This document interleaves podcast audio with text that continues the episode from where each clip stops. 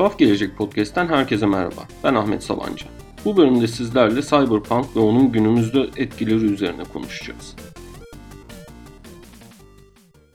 1980'lerin sonlarında başlayan ve günümüze kadar aktif bir şekilde gelen ve hala içinde üretim yapılmaya, farklı tartışmalar yapılmaya devam eden bir akım olan Cyberpunk her ne kadar bilim kurgu romanlarının içerisinde doğan bir akım olsa da şu an bilgisayar oyunlarından filmlere, müzikten birçok farklı sanat akımına kadar hepsini etkilemiş durumda ve hepsinde bir şekilde örneklerini bulup bulmamız mümkün.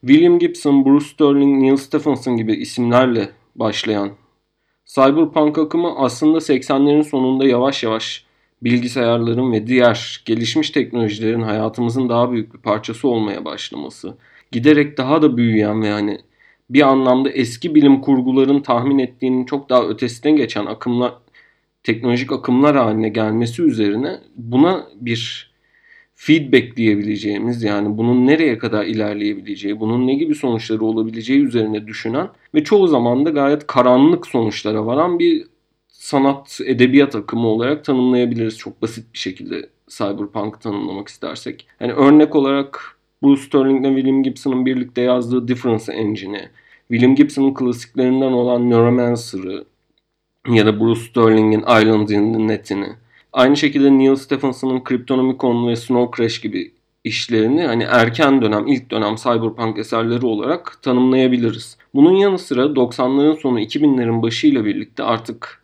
işte internetin hemen herkes tarafından kullanılabilen bir araç haline gelmesi, bilgisayarların giderek her evde bulunabilen bir şeye dönüşmesiyle bir anlamda hani cyberpunk'ın daha hayatımızın bir parçası haline gelmesiyle birlikte post cyberpunk diyebileceğimiz bir akım başladı. Charles Stross, Cory Doctorow gibi isimlerin başını çektiği bu akım ise artık hani bu ilk tahminlerin nasıl bir sonuca vardığını görüp bundan sonra neler olabileceği üzerine daha fazla yakın geleceğe odaklanan ve hani daha fazla ne olabilir ya da neler kötüye gidebilir üzerine odaklanan işler oldu. Bunların benzer örneklerini hala görüyoruz. Daha güncel örnekleri görmeye devam ediyoruz. Cyberpunk hani özünde baktığımızda başladığından bu yana aslında oldukça politik bir bilim kurgu dalıydı. Yani her ne kadar işte o bilgisayarlar, neon ışıklar, karizma hackerlar vesaire gibi düşünsek de Cyberpunk özünde oldukça politik ve gerçekten tüm bu teknolojilerin ve 80'lerin sonu 90'ların başı ile birlikte artık tüm dünyaya hakim olmaya başlayan kapitalizmin, mega şirketlerin nereye kadar gidebileceğini de bize açık bir şekilde gösteriyordu. Eğer hani cyberpunk romanlardaki ana aktörlere ya da büyük kötülere baktığınızda fark edeceğiniz ilk şeylerden biri bunların çoğu ya büyük şirketler ya da bir şekilde şirketlerle devletlerin iç içe geçmiş ve garip bir evrime uğramış halleri. Bunlar aslında her ne kadar bize işte böyle çok distopik öyküler, çok cool karakterler vesaire gibi pazarlansa da ve hani Hollywood'da bu işi çok güzel altından kalkmış olsa da aslında bize çok ciddi uyarılar yapıyorlardı ve hani bakın teknoloji böyle ilerliyor, bunun böyle böyle kötü sonuçları olabilir ve şirketler ve devletler de bunları dönüp bu şekilde bize karşı kullanabilir söylemeye çalışıyorlardı bize. Elbette bunu ne kadar dinlediğimiz ya da ne kadar anladığımız ortada. Çünkü günümüze dönüp biraz baktığımız zaman aslında Cyberpunk'ın bize söylemek istediği şeyleri ya da bizi uyardığı şeyleri tam olarak anlamamış gibi görünüyoruz. Bunun en basit örneklerinden birisi belki de şu an hani Elon Musk ya da işte diğer böyle büyük isimlerin ya da büyük markaların işte Google'dır, Amazon'dur fanlarının olması örneği üzerinden konuşabiliriz. Yani düşünsenize 80'lerde 90'larda Cyberpunk okuyorsunuz. Bir yıl Cyberpunk romanı okuduğunuzu, bunları çok sevdiğinizi söylüyorsunuz. Sonra tam anlamıyla bir Cyberpunk villain'ı diyebileceğimiz bir adam gelip sizin beyninize çip takmak istediğini söylüyor ve bunu alkışlamaya kalkıyorsunuz. Yani demek ki burada anlaşılmayan bir şey var ya da bir şekilde biz döndük bu karanlık şeyleri, bu kötü karakterleri o kadar içselleştirdik veya artık o kadar kaçınılmaz olarak görmeye başladık ki diyoruz ki yani madem bundan kaçış yok en azından ne yapalım benimsemeye çalışalım bunu bundan mutlu olmaya çalışalım gibi bir noktaya geldik galiba. Çünkü hani ortada açık olan bir şey varsa şu an Cyberpunk'ın bizi 80'lerden 90'lardan bu yana uyardığı hemen her şey gerçek oluyor. Birçok romanda gördüğümüz teknolojinin toplumu kontrol etme amacıyla kullanılması, insanlar arasında teknolojiyle bir sınıf farkı, yeni bir sınıf farkının yaratılması, şirketlerin giderek büyüyerek devletlerle denk bir seviyeye gelip insanların hayatlarını ve toplumu şekillendirecek noktaya gelmiş olması gibi şeyler aslında cyberpunk romanlarda, cyberpunk öykülerde, filmlerde gördüğümüz şeyler. Bunları zaten hani bakın bu olabilir deniyordu. Tamam belki o neon ışıklarda ya da yağmurlu Tokyo sokaklarında falan böyle o kadar korkunç görünmüyordu ya da çok karizma görünüyordu ama şu anda içinde yaşadığımız dünya tam olarak bizim uyarıldığımız dünya. Ama işte ne yapıyoruz? Dünyanın en zengin insanı olan Jeff Bezos'un kalkıp daha da zengin olması hoşumuza gidiyor. İşçileri sömürüyor olmasından, aslında Amazon merkezlerinde nasıl bir kölelik sistemi yarattığından hiç kimse bahsetmiyor. Ya da benzer şekilde Elon Musk'ın Mars maceraları ya da Mars fantazileri, beynimize çip takıp bizi geliştirmeye çalışması insanların alkışlayacağı, fanboyluğunu yapacağı ve hatta bunu eleştirmeye kalkanlara Twitter'da saldırıp küfretmeye kadar varabileceği kadar bir deliliğe dönmüş durumda. Oysa eğer hani 2 gram cyberpunk okumuş ya da bir şekilde zamanında bu romanları okuyup bilim kurgudan etkilenmiş birisi olsanız ya arkadaş bizim bundan korkmamız lazım. Yani bu adamlar baya baya bizim gördüğümüz o distopik dünyayı gerçekleştirmek üzereler diye düşünmemiz gerekiyor. Ha işin bir diğer kötü yanı da şu. Bu bahsettiğim isimlerin büyük bir çoğunluğu ve hatta bunları destekleyen isimler de bu romanları okuduklarını ve bunlardan ilham aldıklarını söylüyorlar. E şimdi insan ister istemez düşünüyor. Eğer sen bu romanları gerçekten okuduğunu söylüyorsan, yani Cyberpunk'ın ne dediğini anlattığını, bunlarla büyüdüğünü ya da işte bunların sana ilham verdiğini söylüyorsan ortada ciddi bir sorun var demek. Çünkü sen net bir şekilde yanlış tarafından ilham almışsın bu işin. Senin kalkıp işte o 90'ların Cyberpunk romanlarını okuduğunda benim onlardan birisi olmamam lazım diye düşünmen gerekiyordu. Ama sen aksine dönüp oradaki belki de işte hani örnek vereyim Blade Runner'daki Void Kampf'ı okuduktan sonra onlardan korkman gerekirken sen onların birin onlardan bir tanesi olmaya çabalıyorsun. E işte bunun belki de en komik örneklerinden birisini olarak da Google'ı verebiliriz. Hani Google 2000'lerin ortasında çıktığında vesaire sloganı Don't be evil'dı. Hani işte biz böyle kötü bir şirket olmayacağız. Biz dünyaya iyilik için buradayız. Herkesin bilgiye kolay erişmesi için çabalayacağız. Sonra baktık ki hani o iş öyle olmuyor net bir şekilde hani gayet evil bir şekilde ilerliyorsun. Hani bir cyberpunk villain'dan farksız hale geliyorsun. Ki zaten onlar da bunun farkına varmış olacaklar ki kısa bir süre önce bu slogan tamamen ortalıktan kalktı. Sanki zamanında hiç böyle bir şey denmemiş gibi davranılıyor. İşte benzer şekilde Twitter'ın CEO'su işte bir zamanlar özellikle bu Arap Baharı vesaire zamanında işte ifade özgürlüğü partisinin ifade özgürlüğü kanadıyız. Biz herkese özgürlük için buradayız falan filan tarzı laflar ediliyordu. Geçenlerde meğerse dendi ki ya biz onu kendi aramızda şaka yapıyorduk. Hiç böyle bir şey bir amacımız yoktu ki bizim diye. Yani işte bahsettiğim o Cyberpunk Villain şirketlik de tam olarak böyle bir şey. Sizi gayet böyle güzel, daha güzel bir hayat vaadiyle, daha güzel şeylerle kandırıp işte biz çok iyiyiz, biz çok süperiz, sizin iyiliğiniz için buradayızla kandırdıktan sonra hop bir bakıyorsunuz ya biz hiç öyle bir şey dememiştik ki. Ya biz kendi aramızda takılıyorduk öyleye varıyor bu iş.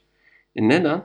Çünkü aslında tam olarak içinde yaşadığımız dünya işte William Gibson'ların, Bruce Sterling'lerin zamanında olabilir diye bizi uyardığı dünyada ondan.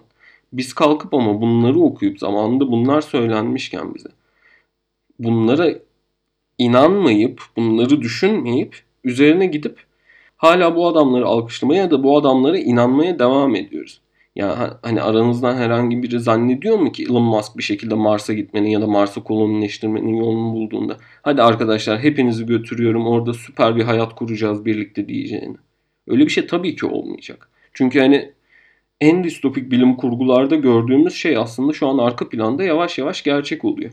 Net bir şekilde şu an gezegenin mahvetmiş durumdalar. Özellikle bunu büyük şirketlerle devletler yaptılar. Yani bu bizim hani sorumluluğumuz onların yanında belki hiçbir şey. Ve şu anda biz o cyberpunk dünyaya, o distopik dünyaya, o karanlık yağmurun hiç eksik olmadığı şehirlere, sokaklara doğru ilerlerken onlar da ellerindeki teknolojilerle, imkanlarla kendilerini kurtaracakları, kendilerini koruyacakları alternatif çözümler arıyorlar. Ya bundan daha cyberpunk bir koşul olabilir mi? Ama biz ne yapıyoruz o sırada? Twitter'da Elon Musk'ı eleştir, eleştirenlere gidip saldırıyoruz. Ya da ne bileyim kalkıp Amazon'un yaptıklarını, Google'ın yaptıklarını söyleyenlere saçma sapan ithamlarda bulunuyoruz. Bu eleştirilerin hiçbirini ciddiye almıyoruz. Ama hala bir yandan da işte cyberpunk oyunlar oynayıp, cyberpunk filmler yapıp aa bak ne cool bir gelecek, o neonlara bak falan filan diyerek ortalıkta geziyoruz. Ortada dev bir yanlış anlaşılma var. Şu an içinde yaşadığımız dünyayı gerçekten anlamıyoruz ve işin kötüsü Cyberpunk'ın net bir şekilde hani ütopik bir tarz olduğunun düşünüldüğünü düşünmeye başladım ben artık. Çünkü başka türlü böyle bir yan, yanılgıya kapılmak ya da böyle bir yanlış anlaşılmaya girmek ve bunda ısrar etmek mümkün değil.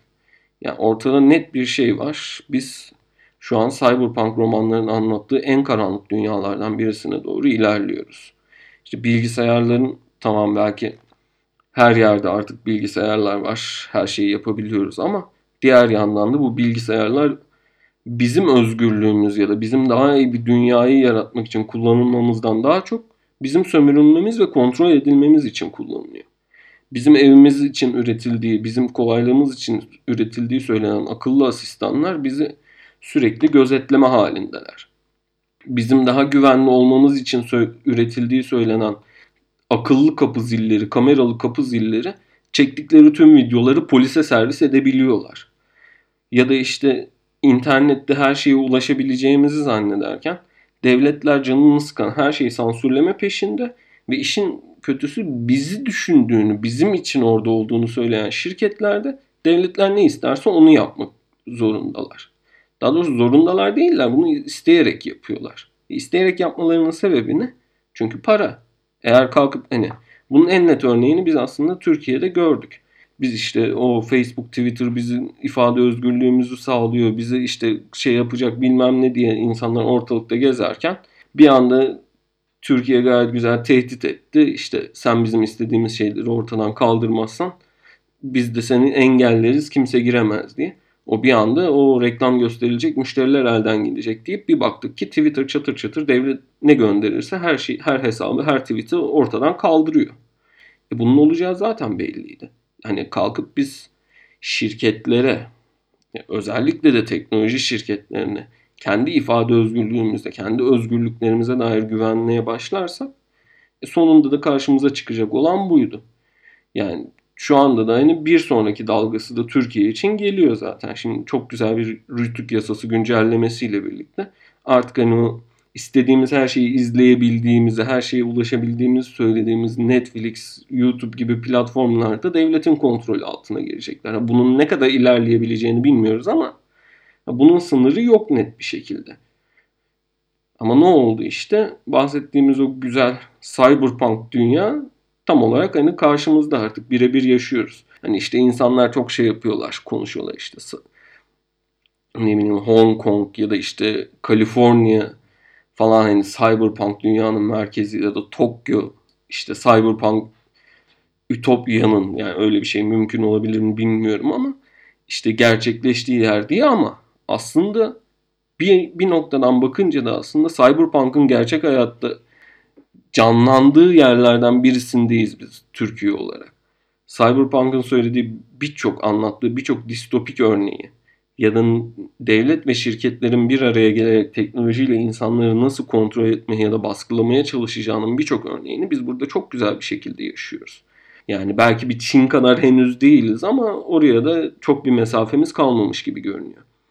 Ha, tüm bunlar şimdi bu kadar böyle daldan dala girdim. İşte Cyberpunk'tan bahsederken bir anda Türkiye'deki gözetimden, sansürden bahsediyorum. Nereye varmaya çalışıyorum? Aslında varmaya çalıştığım nokta şu biz bilim kurgu okurken ya da işte bilim kurgu romanları, filmleri takip ederken, onları anlamaya çalışırken çoğu zaman işin süslü püslü kısmına takılıyoruz. İşte cyberpunk romanlarda o hackerlar şunu yapmış, o çok karizma görünüyor falan kısmına takılırken aslında bize söylemek istedikleri asıl şeyi ve hani aslında tarif ettikleri dünyayı çoğu zaman gözden kaçırıyor. Ve üzerine oturup düşünmemiz gereken, asıl kafa yormamız gereken noktalar da aslında orada. Bir cyberpunk romanı okurken siz hani vay ne güzel kıyafet giymiş, o ne güzel neonlu sokaklar falan diye düşünmek yerine o arka planda tarif edilen dünyanın ya da işte o dünyayı şekillendiren etkenlerin ne olduğuna bakmamız lazım. Çünkü çoğu zaman unuttuğumuz bir şey var ki bu romanlar bize böyle bir gelecek tahayyülü vermiyor. Ya da işte öyle bir dertleri yok bilim kurgu yazarlarının. Bilim kurgu yazan insanlar genellikle bugünün sorunlarının ne olduğuna bakıyorlar ve bunun daha ne kadar kötüye gidebileceğini veya bunu durdurmazsak nereye varabileceğimizi bize söylemeye çalışıyorlar. Bizim de bilim kurgu okurken ya da cyberpunk eserlere bakarken asıl dikkat etmemiz gereken, asıl kafa yormamız gereken şey bu. Çünkü her ne kadar işte bilim kurguyu çok fazla ciddiye almayan insan olsa da ortalıkta bilim kurgu belki de bize bu anlamda yol gösterebilecek, farklı şekilde düşünmemizi sağlayabilecek en önemli alanlardan birisi edebi anlamda. Ve Cyberpunk bunu belki de günümüz koşullarını ya da günümüzde dünyayı şekillendiren faktörleri düşündüğümüzde en iyi şekilde yapabilecek alanlardan, dallardan birisi.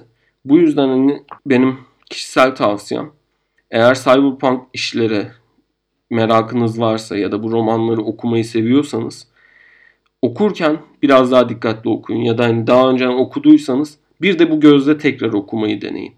Yani o zaman belki tam olarak nereye doğru gittiğimizi ya da nereye doğru daha gidebileceğimizi çok daha iyi bir şekilde göreceksiniz.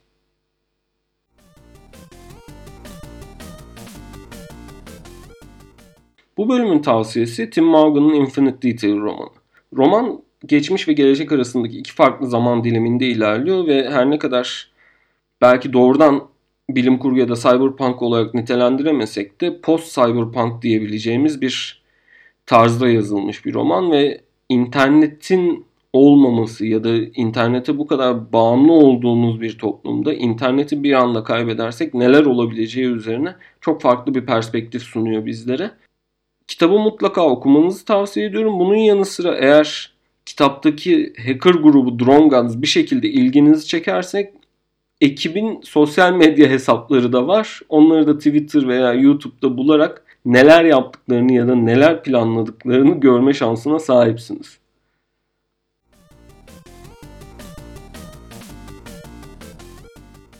Tuhaf Gelecek Podcast'tan bu bölümlük ve bu sezonluk bu kadar. Bu bölümle birlikte kısa bir sezon arasına gideceğim.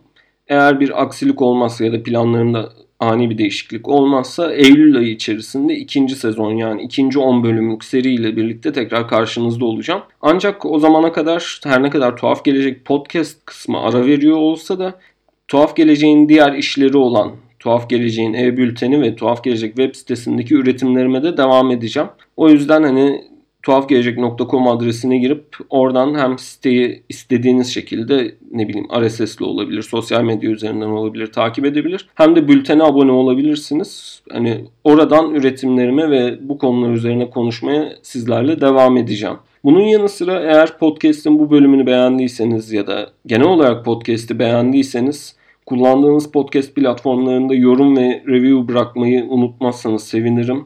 Çünkü hani ikinci sezon başlamadan önce biraz daha takipçi gelebilirse ve hani henüz keşfetmemiş insanlar da o, bu 10 bölümü yakalayıp ikinci sezonu öyle başlayabilirlerse çok daha iyi olur. Bunun yanı sıra eğer bu bölümü sevdiyseniz sosyal medyada paylaşmaktan çekinmeyin. Ne kadar çok dinleyici o kadar iyidir benim için. Tamamen gönüllü olarak yaptığım bir proje tuhaf gelecek ve hani benim için şu anda önemli olan insanların dinlemesi, insanlara ulaşabilmem.